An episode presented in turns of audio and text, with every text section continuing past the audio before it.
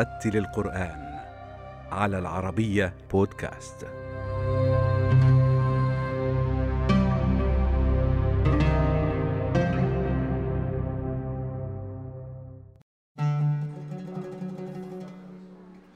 نشأ القارئ الألماني من أصول مصرية أحمد محمد عبد الفتاح العربي في إحدى قرى إيتاي البارود بمحافظة البحيرة في مصر تعلم القرآن الكريم على يد والدته التي كانت حافظة لكتاب الله وشجعته على الالتحاق بكتاتيب القرية لتلقي علوم القرآن على يد كبار مشايخها. التحق بالأزهر الشريف في جميع المراحل التعليمية قبل تخصصه في الدراسات الإسلامية باللغة الألمانية التي أتقنها. آه، رحلتي مع كتاب الله سبحانه وتعالى بدأت مع والدتي. لأنها آه، حافظة لكتاب الله سبحانه وتعالى بفضل الله فهي من شجعتنا على كتاب الله وعلى حفظ كتاب الله وكانت آه، ترسلنا إلى جدي الشيخ رجب عبد العزيز فياض وهو من حافظة كتاب الله ومن المشايخ المقرئين في المحافظة رحمه الله فهو من بدأ معي رحلتي مع القرآن الكريم حفظا وتجويدا ومحبة لكتاب الله سبحانه وتعالى. ثم بعد أن أتممت حفظ القرآن الكريم أيضا آه، قرأت على عدد من المشايخ في آه، مصر الحمد لله. آه، ثم اتجهت بعد ذلك إلى الاهتمام بدراستي الأكاديمية حتى دخلت كلية اللغات والترجمة في قسم الدراسات الإسلامية باللغة الألمانية وفي محافظة القاهرة في جامعة الأزهر. ثم بعد ذلك حصلت على منحة دراسية من فضيلة شيخ الأزهر في الدراسة في ألمانيا. فدرست في جامعة فرايبورغ في ألمانيا ثم عدت إلى القاهرة لإكمال دراستي. ثم بعد ذلك رزقني الله سبحانه وتعالى أيضا بالتوفيق أن أبدأ في دراسة الماجستير في ألمانيا وها الحمد لله قد انتهيت. آه، وأنا هنا أيضا في آه، في مجال الدعوة التي آه، كرست لها وقتي وكرست لها جهدي منذ سن مبكرة الحمد لله. حقيقة يعني كل القراء كل من من عمل بكتاب الله سبحانه وتعالى وعاش مع كتاب الله سبحانه وتعالى هو يعني حق له وحق لنا أن نفخر به. لكن من القراء الذين تأثرت بهم فعلا أكثرهم حرصا على القراءة وتطبيق كتاب الله سبحانه وتعالى. ليس فقط في ليس فقط حفظا في ما هو مستور ولكن أيضا حفظ في الصدور والتخلق بكتاب الله سبحانه وتعالى. فكان من المخلصين يعني من تأثرت بهم فضيلة الشيخ محمد عمران فضيلة الشيخ محمد صديق المنشاوي فضيلة الشيخ محمد رفعت فضيلة الشيخ محمود رمضان آه، وغيرهم. وغيرهم أيضا يعني من المدرسة القديمة أيضا الشيخ الشيخ كامل يوسف البهتيمي. أعوذ بالله من الشيطان الرجيم.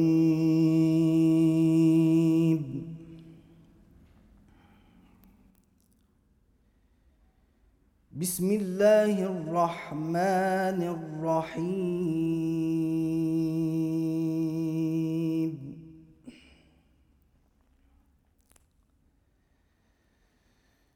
سنة من قد أرسلنا قبلك من رسلنا ولا تجد لسنتنا تحويلاً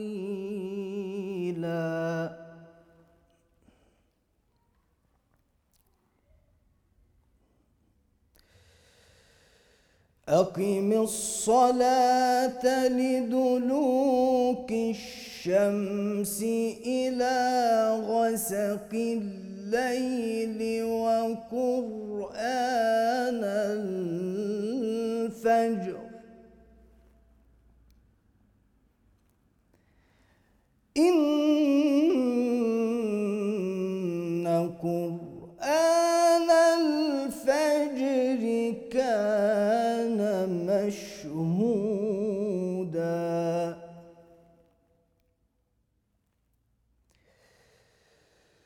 ومن الليل فتهجد به نافلة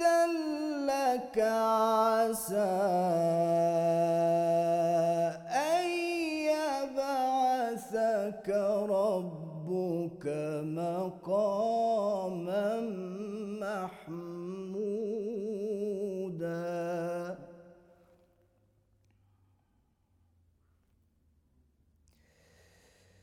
وقل رب أدخلني مدخل صدق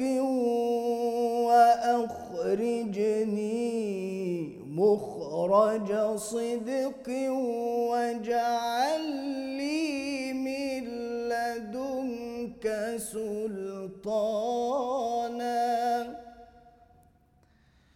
واجعل لي من لدنك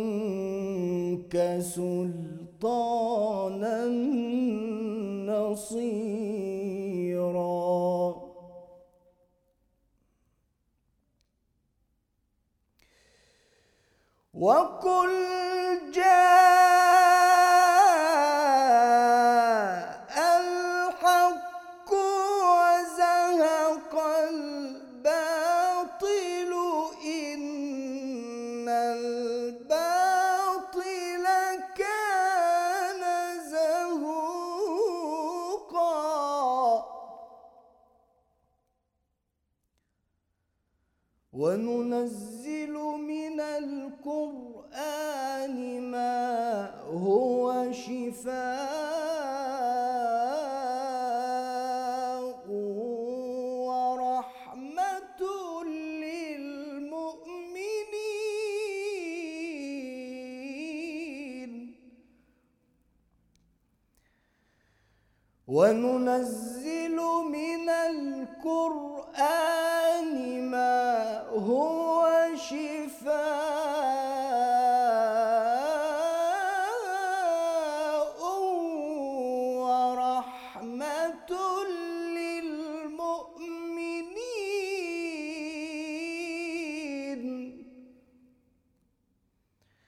ولا يزيد الظالمين إلا خسارا. صدق الله العظيم. الإضافة التي من الممكن أن تقدمها المعرفة بشكل عام أو الإلمام ببعض العلوم التي تخدم كتاب الله سبحانه وتعالى يعني هذا يفيد إلى معرفة أكثر تدبر أكثر مع كتاب الله سبحانه وتعالى فهم أعمق لكتاب الله سبحانه وتعالى ومن ثم يأتي التطبيق الأفضل لكتاب الله. القارئ إحنا آه، آه، أنا آه، أنا كنت أتمنى وأتمنى أيضا أن تكون في نقلة نوعية نقله في توجه ال- القراء مع كتاب الله سبحانه وتعالى. آه، الاقتصار على بعض العلوم التي تخدم كتاب الله سبحانه وتعالى أو التي تخدم القراءة بشكل عام كعلم التجويد أو علم القراءات إلى غيرها من العلوم الخادمة لكتاب الله سبحانه وتعالى أو الخادمة للقارئ هذا شيء طيب وشيء جميل. لكن أنا دائما في مع أصدقائي المقربين من يديرون أو من لهم حلقات مع كتاب الله سبحانه وتعالى وكتاتيب وتحفيظ للقران الكريم أنا اندبهم دائما إلى أن يبدأوا مع الأولاد من سن مبكرة في بعض بعض تفاسير الآيات البسيطة لكتاب الله التدبر نفسه. لأن هذا سيعجل بي مع قارئ القرآن أو حافظ القرآن الكريم لتدبر أعمق للكتاب ثم لتطبيق وتأثر بالكتاب لأن سيدنا رسول الله صلى الله عليه وسلم هو تأثر هو حفظ القرآن حفظ هو أخذ الكلام ثم حفظه ثم بدأ بتطبيقه. ثم بدأ بالتخلق به بعد فهمه وتدبره. إحنا لا ينبغي علينا أن نقف على حرفية الكلام أو على حفظ حفظ الكتاب. حفظ الكتاب هذه نعمة جميلة ونعمة طيبة ولا ينالها أي أحد. لكن الأهم والأعظم كيف تتفاعل مع الكتاب؟ كيف كيف تتقن ما في الكتاب؟ كيف تتدبر ما في الكتاب؟ ثم بعد ذلك تنقله إلى الدنيا تنقله إلى الناس في التعامل في السلوك في الأخلاقيات أن ترتقي مع القرآن الكريم. لأن سيدنا الرسول صلى الله عليه وسلم لما سئلت أمنا عائشة بعد أن انتقل رسول الله صلى الله عليه وسلم إلى الرفيق الأعلى كيف كان رسول الله صلى الله عليه وسلم؟ كيف كان خلقه؟ صفيه لنا. كانت كان خلقه القرآن. اذا ليس الرسول وسلم يكن قرآنا يتلى هو كان قرآن في تطبيقه لكل ما في الكتاب لفهمه لما في الكتاب لحياته مع الكتاب لتعايشه مع الكتاب. لذلك العلوم كلها التي تخدم الكتاب من تفسير وعلوم لغة وفلسفة حتى ومنطق إلى غيرها من علوم أصول فقه وفقه كلها تخدم الكتاب طبعا. لما القارئ يكون مثقف يطلع على كثير من العلوم التي تخدم الكتاب هذا سيربطه بالكتاب أكثر سيربطه بالقرآن أكثر سيعجل بالتأثر بالقرآن الكريم. أنا نرى كثير من القراء يعني أنا لا لا آه، أفزع مثلا أو لا أندهش من بعض الجرائم أو بعض المنكرات أو بعض الأشياء التي آه، مثلا ربما تنسب إلى بعض القراء والحفظ يقول لك هذا قارئ هذا شيخ وعمل كذا وكذا وكذا وكذا. هو الشيخ ليس معصوما من المقام الأول.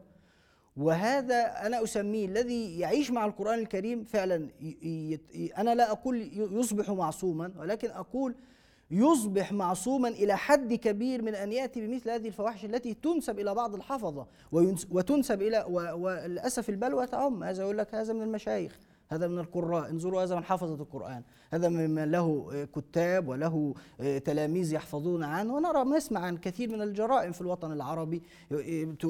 تنسب إلى المشايخ أو تنسب إلى بعض الحفظة لكتاب الله. هو لم يعش مع كتاب الله. هو توقف عند الحرف توقف عند الحفظ. ولم يجد أي وسيلة أخرى لكي يرتقي بفهم الكتاب ويرتقي بعد ذلك بتدبر الكتاب ثم يرتقي بالتنفيذ. أرض الواقع. أين القرآن أنت؟ القرآن في القرآن ليس في صدرك فقط. القرآن لابد أن يكون في صدرك لا تأتي منكر أن يكون في يدك أن يكون في عينك أن يكون في فكرك أن يكون في لسانك أن يكون في كلامك مع الناس. هو القرآن.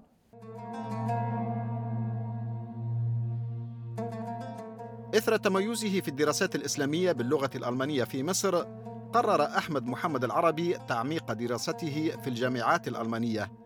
مدفوعا بحماسة الشباب وبالرصيد الأكاديمي والعلمي الذي حصله من الأزهر الشريف.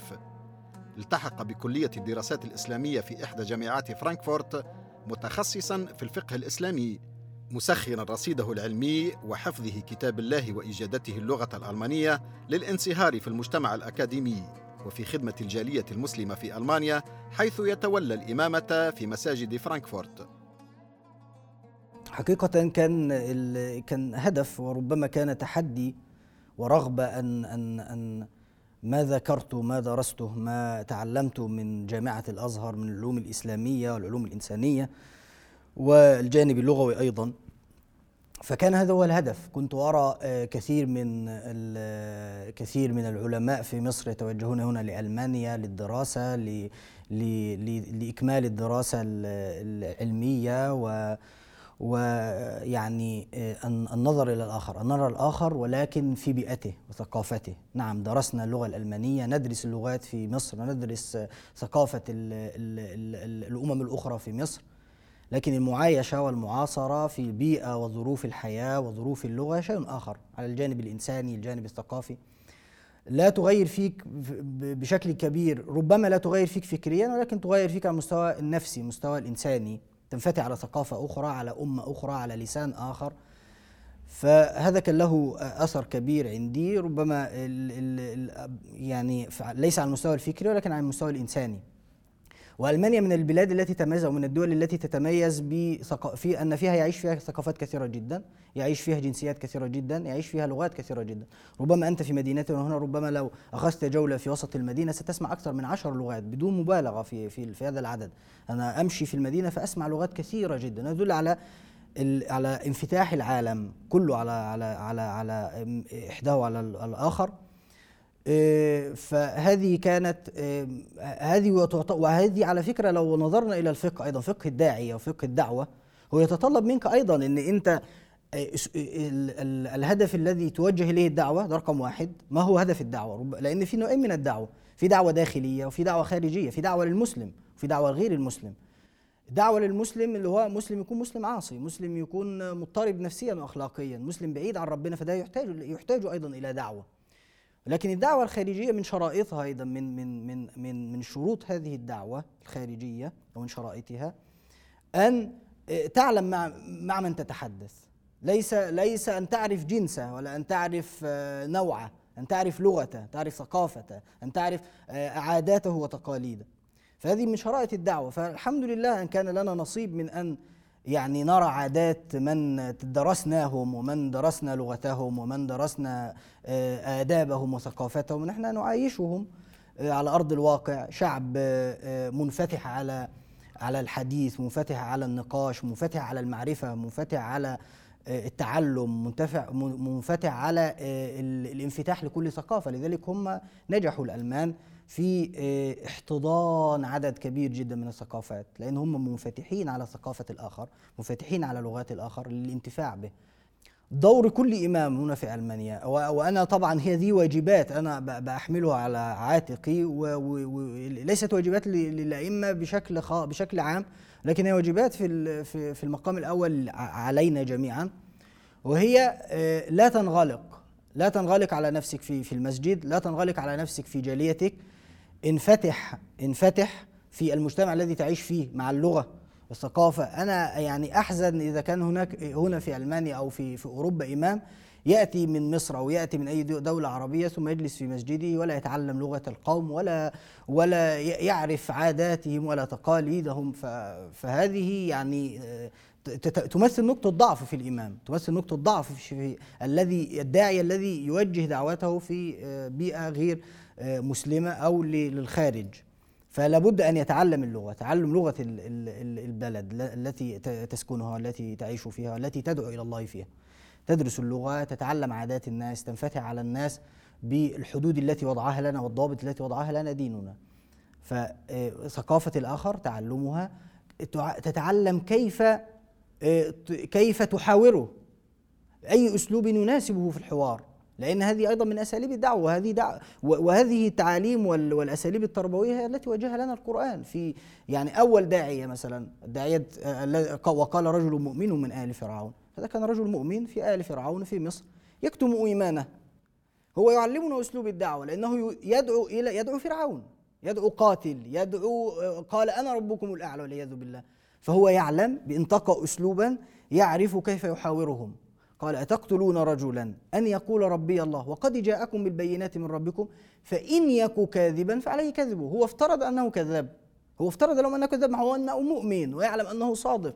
لكن أسلوب من أساليب المحاورة اسلوب من أساليب الدعوة يوجهها لنا فمعرفة الثقافة معرفة العادات معرفة الفلسفة التي توجه له الدعوة ده ده من أهم شرائط الدعوة. أنت مع من تتحدث وبأي محاورة وبأي أسلوب تحاوره.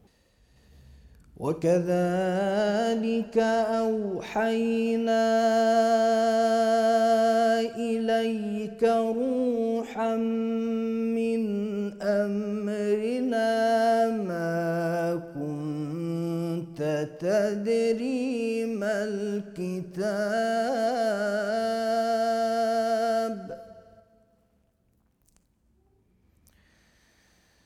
ما كنت تدري ما الكتاب ولا الإيمان ولكن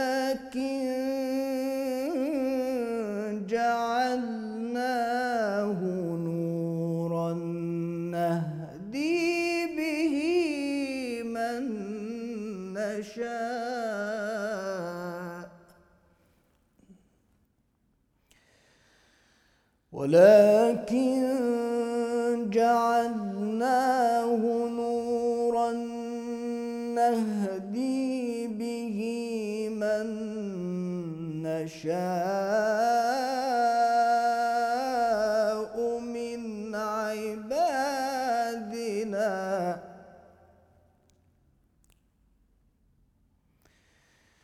وإنك لتهدي إلى صراط مستقيم.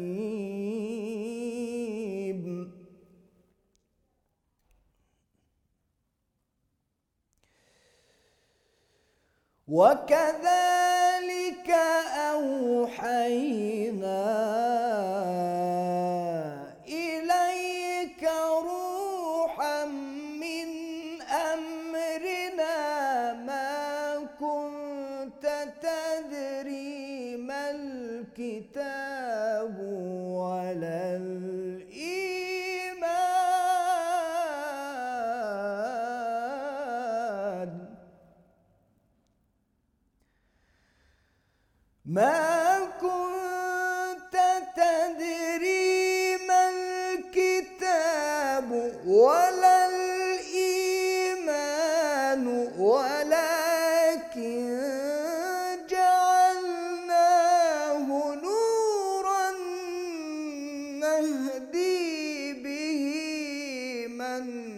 نشاء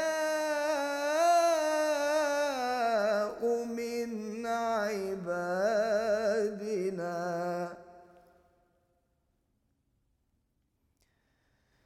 وإنك لتهدي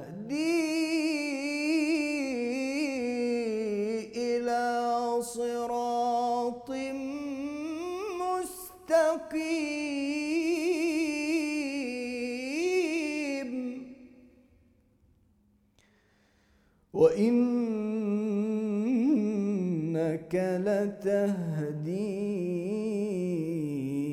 إلى صراط مستقيم. صراط الله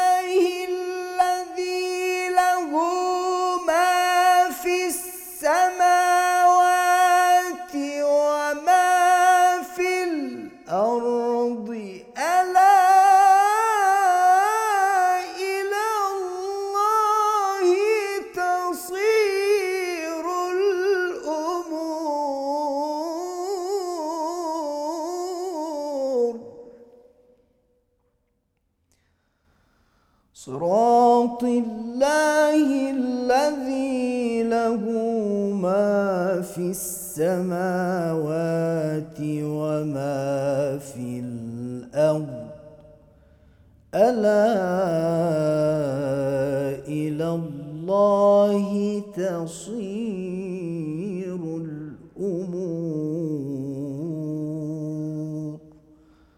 صدق الله العظيم رمضان ده بيكون فرصة كبيرة فرصة عظيمة جدا في في المسجد. آه، بنجتمع و ونصلي معا. العدد ما شاء الله الإقبال بيكون آه، كبير جدا من من المسلمين هنا والمسلمات. آه، فبنجتمع وتقريبا بنحتفل كل يوم فعلا في رمضان بنحتفل كل يوم بنفطر سويا في المسجد بيكون في إفطار جماعي ل- للإخوة والأخوات في المسجد بيكون في أيضا آه، بيكون في أيضا أناشيد وابتهالات دينية يكون في صلاة تهجد بيكون في دروس علمية بالنهار وبالليل يكون في تبادل للأئمة وتبادل للمشايخ والعلماء.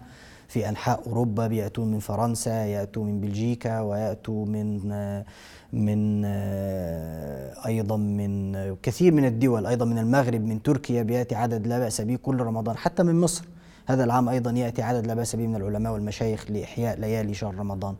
فبتكون فرصة طيبة. بنكثف فيها الدعوة بنكثف فيها الخطاب الديني بنكثف فيها الحديث عن الأخلاقيات لأنها بتكون فرصة فرصة عظيمة لا تتكرر في العام إلا مرة لحضور هذا العدد من الناس في الصلوات والإقبال الشديد. لأن رمضان في حد ذاته يعني آه، جمعت فيه عادات كثيرة تربطنا بهذا الشهر المبارك شهر الجميل مع القرآن الكريم.